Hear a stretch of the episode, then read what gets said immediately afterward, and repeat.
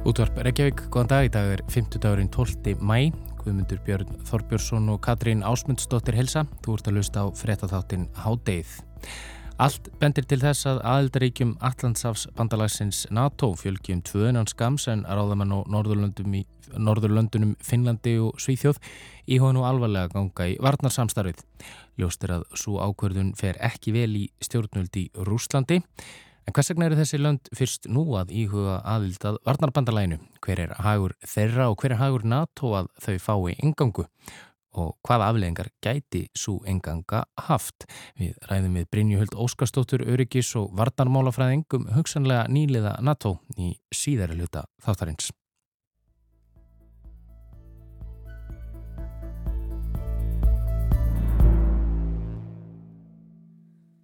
Fyrir rétt rúmri viku hækkaði peningastefnu nefnd Sælabankan stýrivexti um heilt prósentustig og þeir eru nú 3,75%.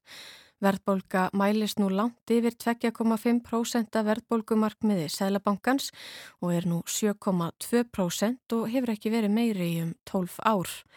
Á meðan sumir gaggrina hækkun stýrivexta hjá peningastefnunefndinni, segja hann að vera á kostna almennings í landinu, standa aðrir í þeirri meiningu að hækka þurfi stýrivexti enn frekar til að mæta verðbólgunni sem spáðir að aukist áfram. En það eru ímis ljós í myrkrinu, til dæmis eru horfurnar í ferðarþjónustunni góðar og betri en þær hafa verið um þó nokkurt skeið. Magdalena Anna Torfadóttir, sérfræðingur hátegisins í efnahagsmálum og bladamadur á frettablaðinu, segir okkur betur frá því. Velkomin Magdalena. Takk fyrir. Stýrivextir voru hækkaður um 1% steg í síðustu viku. Hvernig horfir þessi hækkun við þér? Já, auðvitað fagnaði fáir öruglega bara engir að stýrivexti séu hækkaðir en ég tel engar síður að Seðlabankin hafi bara, já ekki átt annar að kosta völ. Hann verður einfallega að bregðast við því að bæði verðbólguhorfur og værbólguvæntingar hafa hækkað bara á alla mælikvarða. Mm -hmm. uh, ég satt líka fund með allþjóðu gældirisöðunum í Hannisarholt í gær og þar kom fram að AGS uh, eh, tel ég líka nöðsilegt að stýrivexti séu hækkaðir enn frekar bara svona til að stemma stígu við þessa þætti og það er líka útlitt fyrir að stýrivextir verði hækkaðir tölvöld meira þessu ári en það sem var áhugavert í yfirlýsingu peningastefnendar var að það var ákveðið svona ákall um breyða samstöðu aðeila vinnumarkaðirins ríkisfjármála og fyrirtækjana til þess að þurfi ekki að hækka stýrivexti en frekar. Það var að mínum að þetta frekar aðteglisvert. Mm -hmm. En við ætlum við myndið að fara svolítið í aðra sálma því að eh, svona góðar frettir. Já, einmitt. Út... Það er ekki allt neikvægt. Nei, nákvæmlega. um, því að það lítur út fyrir að, að það sé að byrta til í ferðarþjónustunni, er það ekki? Jú, mikið rétt. Það má segja það eftir tvö ára samkomi takmörkunum þá lítur út fyrir að, far, að fólk sé farið að ferðast á ný. Heimurinn er svona opnast eftir heimsvaraldurinn og ferðarþjónustan er að vakna eftir erfitt tímabill. Eh, það kom út ný fartegaspá í Savia í gær eh, og þar kom fram að þau spá að á þessu ári muni í 5,7 miljónir fartega fara um keflauguflugvöll sem er um 79% af þeim fjölda sem fóru völlið árið 2019. Eh, þessi spá var svo fyrsta sem var gefin út eh, frá upphafi COVID-19 faraldusins eh, svona vegna allara þeirra óvissu sem faraldurinn fyldi. Síðan má líka nefna að flugfjölugun sem fljúa hinga til lands verða í sumar 24 talsins samanborið við 25 talsins árið 2019 þannig þá má segja að það sé virkilega jákvæða frettir. Hvað er spáð því að komi margi ferðamenninga til lands á þessu ári? Sko í Savia gerir að fyrir að fjöldi ferðamann á Íslandi verða bílinu 1,4 til 1,5 miljónir en fyrir fórsendur gerður að fyrir 1,2 miljónum.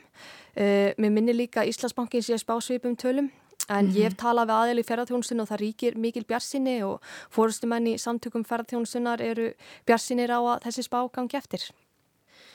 En það er ljósta eftirspurnin er mikil en er frambóðu nægt? Já, það er stór spurningin. Ég skrifaði grein fyrir nokkru vikum sem bar nafnið Endurist ferðarþjónustunar er hafinn. Það rætti ég við hana Bjarnheiði Hallstóttur, forman samtaka ferðarþjónustunar og þar viðræði hún svona þær áhyggjur að ferðarþjónustan ná ekki að mæta allir þeirri eftirspurt sem er til staðar, sérstaklega svona yfir háönnina. Það er svona þjætt bóka víða og eiginlega ómögulegt að fá gistingu á sumum stöðum í júli og agúst. Síðan er líka farið að bera skorti á bílalegu bílum sem hefur viðteka áhrif. Það er þannig. En uh, mitt síðustu tvei árin hafa reynst fyrirtækjum í ferðarþjónustunni erfið heldur að þau náu að komast í gegnum þetta? Já, það má með sanni segja að síðustu tvö ár hafi reynst fyrirtækjum í ferðarþjónustunni afar erfið og það er líka verðt að muna að þetta er ekki búið þó horfunar séu góðar en gott ár eigur hins vegar líkur á að svona fleiri fyrirtæki hafa þetta af mm -hmm. uh, þó fyrirtækin séu svona öll meir og minna í sárum eftir faraldurinn. Uh, það þarf líka að hafa í huga að svona stór hluti eiginfjári greininni þurkaðist eiginlega bara nánast út meðan á faraldurinn stóð þannig það er svona mikið sem þarf að vinna upp en svona til þetta á jákvæðum nótunum þá hérna heyri maður aðilennum í greininni að það er tilefni til bjarsinni og að endur íslensku ferðarþjónustunar er hafinn. Það er um þetta. Takk hella fyrir komuna. Magdalena. Takk hella fyrir mig.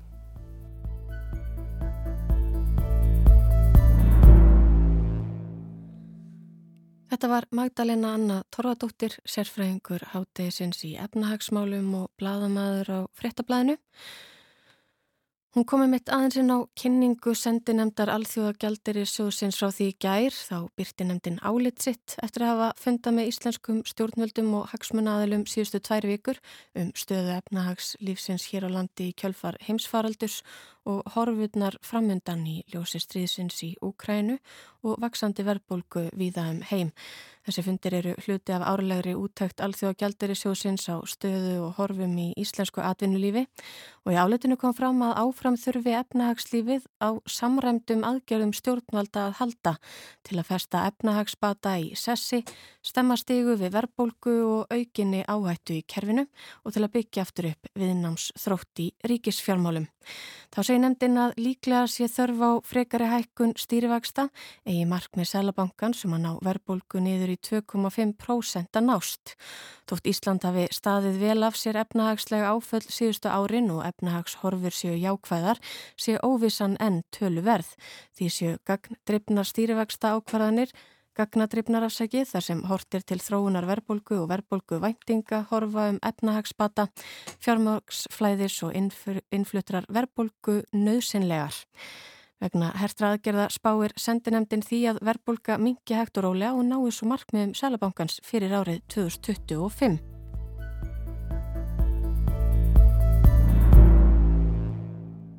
Þann 11. apríl síðastliðin ávarpaði Dimitri Peskov, hægri hönd Vladimirs Putin og talsmaður rúsnesku ríkistjórnarinnar, fjölmiðlaði gegnum fjarfundarbúnað. Þar varaði hann við því að frekari stækkun Allandsafs bandalagsins, það er ef bandalagi tækin fleiri þjóðir í varnarsamstarfið, gæti það haft alvarlegar afleðingar. Orð Peskov kom í kjálfar þess að rússar hafði fengið veður af því að ráðamenn í Finnlandi og Svíþjóð hefðu hafið viðræður við fórustufólk Allandshafs bandalagsins til að ræða möguleikan á því að ríkin fengu yngungu í varnarbandalagið. En svo lustendur eflust muna, þá ítrekkaði Pútin Rúslandsfossiti aftur og aftur í aðdraðanda einarrásarinnar í Úkrænu að það kemi ekki til greina af hans hálfu að nágrannar sínir í vestri Úkræna gengi nokkuð tíman í NATO.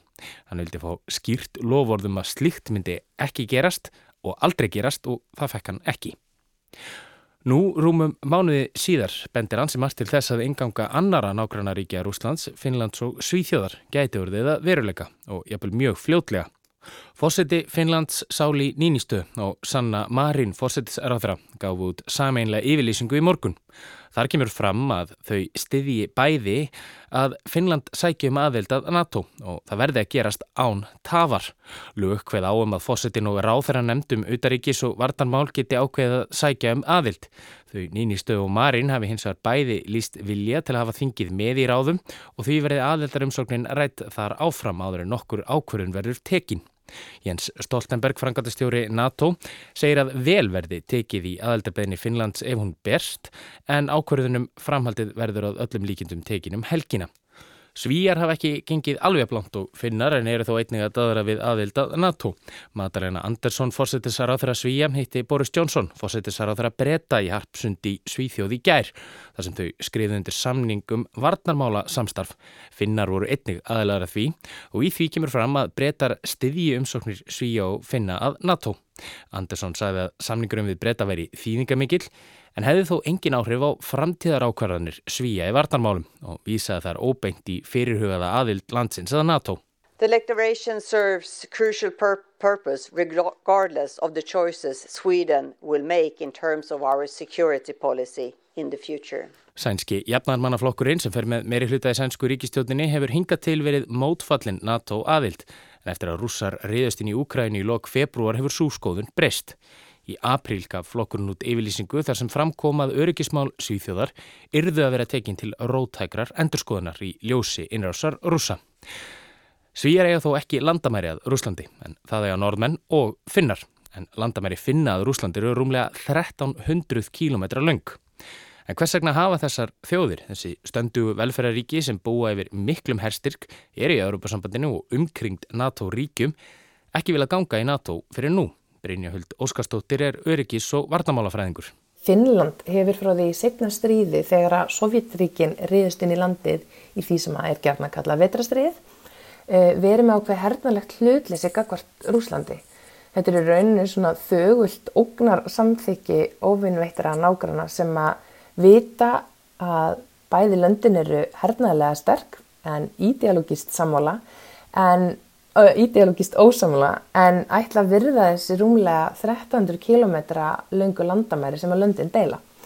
Uh, en svíjar hafa verið með svona uh, hlutleysistefnu sem að byggja á allt öðru annars konar hugmynd sem er í rauninni hugmyndum hlutleysi bara almennt í auðaríkistefnu þeirra og það hefur verið svona grundallar þáttur í þeirri uh, ásjón sem að, finn, nei, sem að svíjar vilja hérna gefa frá sér.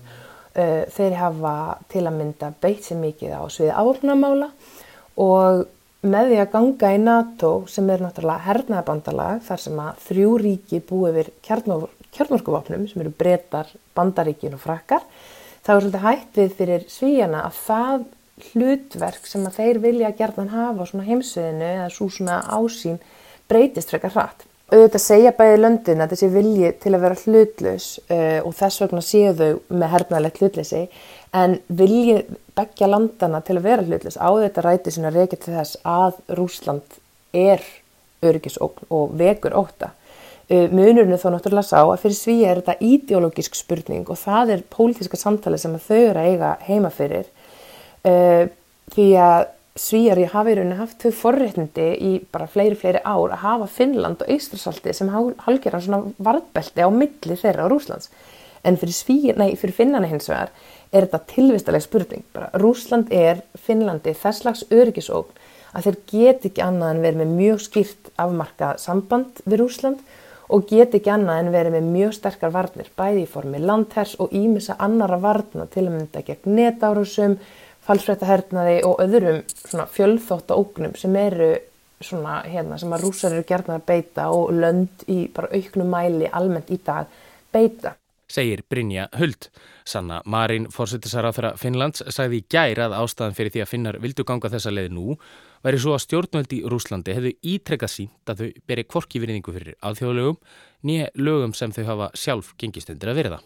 Russia has showed that it doesn't respect international law, it doesn't respect the rules it has uh, itself uh, applied to before, uh, it doesn't respect any of those uh, obligations that each country have.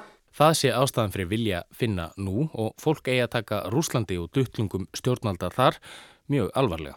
And this is why we're discussing about the possibility of applying NATO membership. Uh, the whole security situation in Europe has changed uh, and we shouldn't be naive when it comes to Russia. En hverjir eru hagsmunir NATO á að fá svíja og finna inn í sambandið sem fyrir segir hefur Stoltenberg jú bóðið þau velkomin. Brynja Huld aftur. Finnar eru til að mynda með gífilega sterka leinuþjónustu og njósnuþjónustu og þeir þekkja Rúsland og þeirra strategíu sennilega betur en nokkuð annan land innan Allandshansbandalagsins. Þannig að með því að fá finna inn í NATO til dæmis þá eru ósálrátt einhverjir samningar um það að deila því sem heitir bara góður ennsku Intel eða Intelligence og það til mér væri rosalega mikil styrklegi fyrir NATO að fá það frá finnunum. Eh, Hér finna er þjálfaður upp í topp og mörguleiti sterkari og í rauninu kannski betur samrændur öðrum herjum og innviðum bandalagsins en sumir herni sem eru nú þegar í NATO. Eh, bæði svíjar og finnar hafa verið í svona hérna virku samstarfi með NATO núna í næstu 30 ár síðan bara 95 mest í styrklegi finna er náttúrulega það að þeir eru með virka herþjónustu. Og viðhorf almennings í Finnlandi til herþjónustu og bara svona almanna skildu er mjög hátt. Uh, þeir verja nú þegar 5% að verka í þjóðframleyslu í varnamál og eitt þriðji landsins er þjálfur til að vera í svona heimavarnarliði eða því sem heitir bara á ennsku reservist og í samingi svona hérna við stærð og fjölda Finnland þá getur Finnland í rauninni sett saman eitt stærsta virka herin innan NATO. Og hérna eru 5,5 miljónir sem búa í Finnlandi og e, það eru um 280.000 mann sem eru hérna geta verið sérst, virkir í þjónustu á svona wartime hérna service. Og, og hérna og svo eru 900 manns í sérst svona á útkallslistærinu og það er styrkliki sem að kannski ekki mörg uh, önnur NATO-lönd hafa. Segir Brynja. Og undir þau orð Íslenska öryggis- og vardamálafræðingsins tók Pekka Havistó utergisar á þeirra Finnlands í morgun. Á fundi með þingmunum Evrópuþingsins fyrir í dag sagði hann að enganga Finnlands í NATO myndi styrkja öryggi og stöðuleika við Eistrasaltið og í norður hluta Evrópu. Enganga Finna myndi styrkja stöðu NATO og landið standist öll þau skilirði sem sambandið geri. Það sé stert líðræðisríki og með góðar varnir. Finland would strengthen the security and stability of the Baltic Sea region and Northern Europe. Finland is a regional security provider and would further strengthen NATO as a future ally. From NATO's perspective, Finland holds solid democratic credentials that meet NATO's membership criteria and has a strong and credible national defense that is interoperable with NATO. En rússar hafa ekki bröðist vel við þessum tíðindum. Dimitri Peskov, talsmaður rúsnarska stjórnvalda, segir að NATO-aðeld finna fel í sér skýra ógn við öryggi rússa. Þá er sömulegis líklegt að NATO-aðeld svíja og finna og þá sérstaklega finna fari alls ekki vel í Vladimir Putin rúslandsfósita. Jú, auðvitað, Putin hefur sagt reglulega hann sjáu stækkun NATO sem beina við Rúsland og hann gaf það svo sem, sem sína svona grundallar ástöð fyrir innrásin í Ukrænu að veist, aðal krafan var að Úkræna gengi ekki í allansbandalagið þannig að það er alveg viðbúið að hann bregðist við aðvild finna á svíja á einhvern hátt uh, og það kemur kannski ekki óvart að við myndum fara að keira upp einhvers konar falsfréttahernað eða netórisir uh, bæði á Svíþjóð og Finnland. Kannski prófis áfram með að brjóta lofthelgi.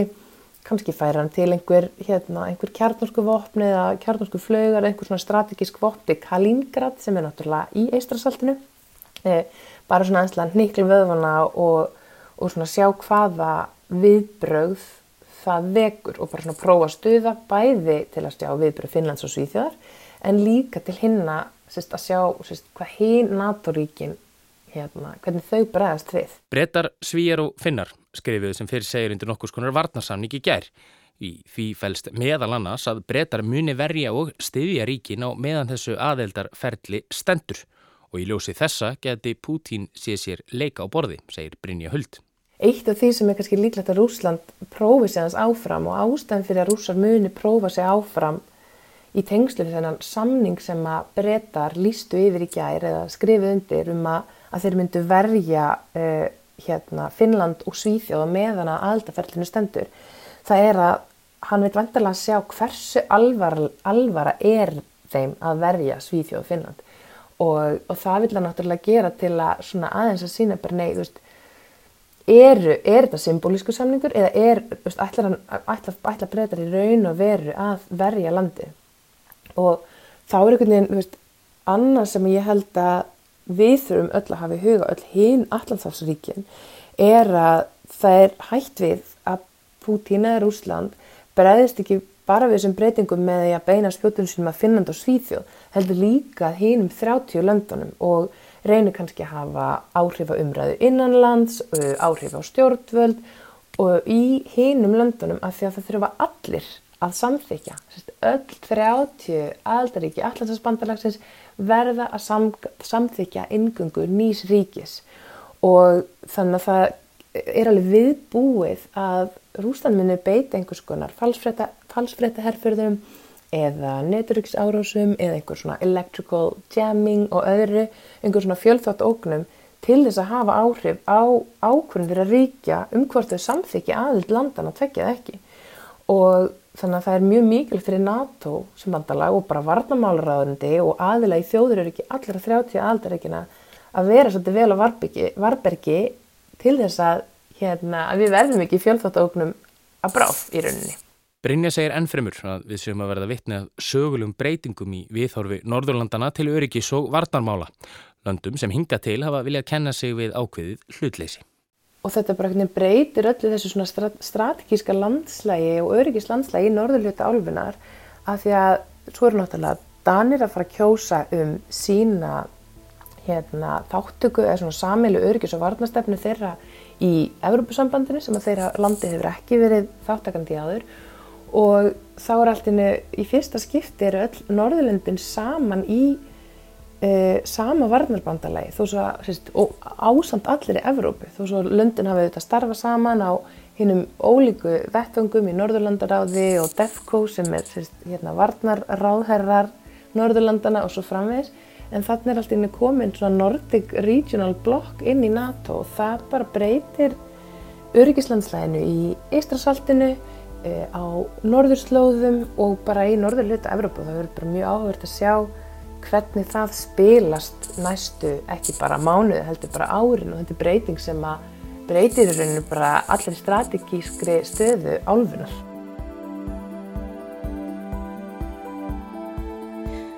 Þetta sagði Brynja Huld Óskarstóttir Öryggis og Varnamálafræðingur en hátið verður þá ekki lengra í dag.